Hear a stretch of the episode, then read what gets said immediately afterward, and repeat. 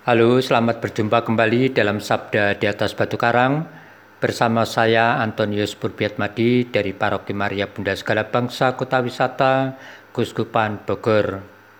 Saudara-saudari yang terkasih, hari ini Minggu tanggal 25 April adalah hari Minggu Paskah pekan keempat dan sekaligus adalah hari Minggu panggilan. Bacaan-bacaan kitab suci yang dapat dipersiapkan untuk bahan permenungan kita bersama.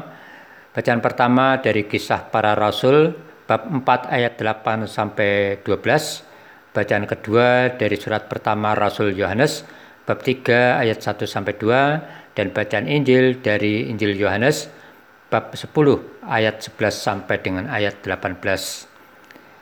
Renungan tertulis dapat saudara-saudari baca atau unduh dari laman warta paroki Maria Bunda Segala Bangsa www.mabuseba.org. Tema renungan kita hari ini menjadi gembala yang baik. Saudara-saudari yang terkasih, rasanya tepat sekali kalau pada hari ini kita merefleksikan hidup panggilan kita. Sebagai orang beriman, kita dipanggil Tuhan untuk hidup entah menjadi orang yang berkeluarga, biarawan-biarawati, karyawan dengan profesi apa pun, dan sebagainya. Dalam kerangka panggilan hidup tersebut, Yesus memberikan dasar-dasar berpastoralia. Melalui bacaan Injil pada hari ini, kita semua yang adalah pengikut dan murid Yesus diajak untuk merefleksikan tentang spiritualitas gembala yang baik.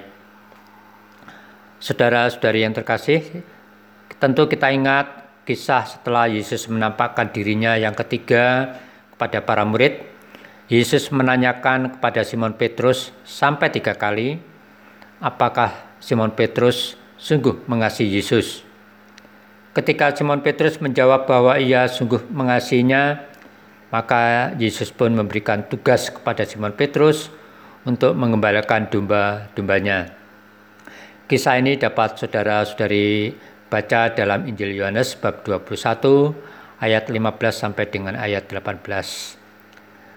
Saudara-saudari yang terkasih, tugas penggembalaan Petrus kini dilanjutkan secara hierarkial dari Bapak Suci sampai kepada para imam. Kita sebagai umat Allah, karena godaan duniawi, kita cenderung lepas kendali diri, suka keluyuran iman tanpa arah yang jelas, yang mungkin mendekati hal-hal yang membahayakan iman kita sendiri.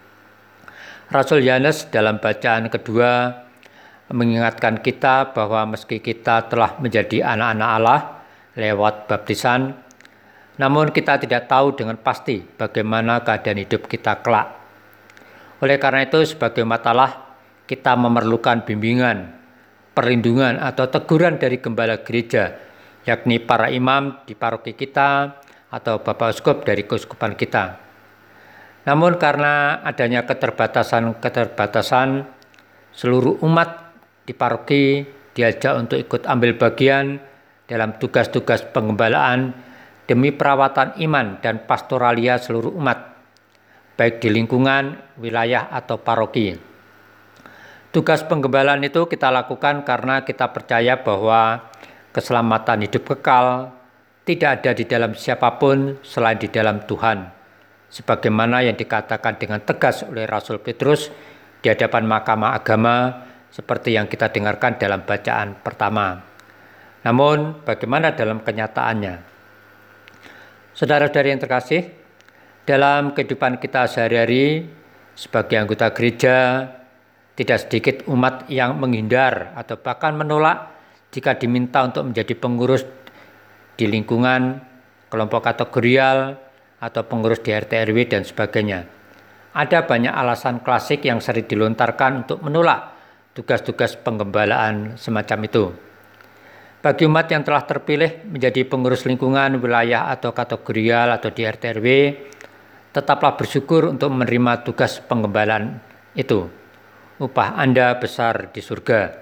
Tuhan telah menyediakan bagi Anda dalam tugas pelayanan Anda. Saudara-saudari yang terkasih, Berikut ini adalah harapan yang disampaikan oleh Yesus sendiri pada hari ini untuk Anda semua. Ya ini Pertama, menjadi gembala yang baik tentu tidak hanya memelihara atau memberi makanan dan minuman, tetapi juga tunjukkanlah sikap kepemilikan atau sense of belonging. Contoh dari sikap memiliki atau sense of belonging itu adalah berani berkorban demi keselamatan kawanannya dari setiap ancaman yang membahayakan hidup kawanannya. Lalu yang kedua, menjadi seorang gembala yang baik itu memiliki kemampuan menjalin hubungan kedekatan atau relasi yang baik, memiliki kemampuan mengenal setiap anggotanya. Untuk itu, kunjungilah dan sapalah warga atau umat, terutama yang bermasalah, yang berkesulitan, atau yang sakit. Selanjutnya, yang ketiga, Menjadi seorang gembala yang baik itu mau dan mampu untuk terbuka hati menerima siapa pun, baik warga gerejawi maupun anggota masyarakat pada umumnya. Dengan menerima tugas sebagai pengurus RT misalnya, Anda sudah ikut menuntun warga di RT atau di RW untuk mengenal Yesus dan ajarannya, tentu lewat pelayanan dan penggembalaan Anda bagi mereka seperti Yesus sendiri juga terbuka terhadap domba-domba yang bukan dari kandangnya, yang dituntun untuk menjadi satu kawanan dengan satu gembala. Itulah spiritualitas penggembalaan yang sekiranya menjadi semangat bagi Anda, para pengurus, baik di wilayah, di lingkungan, atau di kategorial di paroki. Saudara-saudari yang terkasih, pengajaran tentang gembala yang baik dari Yesus ini juga ditujukan kepada kita para umat awam. Dengan tugas-tugas penggembalaan yang telah disebutkan di atas, melalui sabda Tuhan hari ini kita diajak untuk memiliki sikap hormat dan menghargai tugas-tugas penggembalaan dari para gembala kita. Entah itu Bapak Uskup, para imam di paroki kita maupun di paroki lain, dan juga dari para pengurus lingkungan, wilayah, kelompok kategorial di paroki kita. Tentu sering kita lihat dan alami dengan nyata bahwa umat di lingkungan enggan untuk menanggapi ajaran pengurus, misalnya menghadiri undangan doa atau ibadat lingkungan, pendalaman iman atau pendalaman kitab suci, latihan kur, rapat, dan lain sebagainya. Karena mereka telah melayani dan menggembalakan kita, meski dalam masa pandemi ini Mari kita terus menanggapi dengan positif setiap usaha dan tugas-tugas pekerjaan dari para pengurus lingkungan, wilayah kategorial, para imam di paroki kita. Saudara-saudari yang terkasih, gambaran tentang Yesus sebagai seorang gembala yang baik memang hanya dapat kita temukan dalam Injil Yohanes sebagaimana kita dengarkan pada hari ini.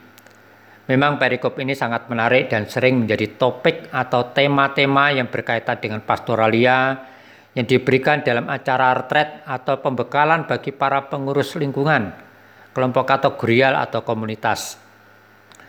Pengajaran Yesus tentang semangat gembala yang baik sebenarnya tidak saja ditujukan kepada mereka, tetapi juga berlaku bagi siapa saja dan dalam bidang panggilan hidup apa saja yang ada dari diri kita. Menjadi gembala yang baik bisa diterapkan di dalam kehidupan di keluarga, di lingkungan RT RW, di tempat kerja dan sebagainya.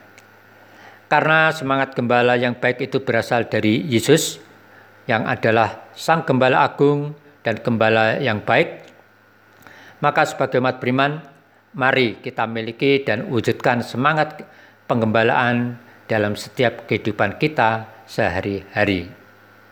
Semoga Tuhan memberkati kita. Amin.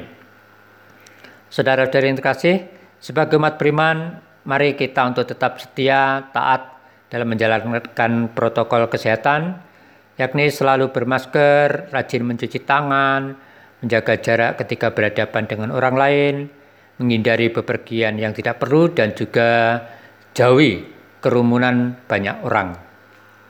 Selamat berhari Minggu.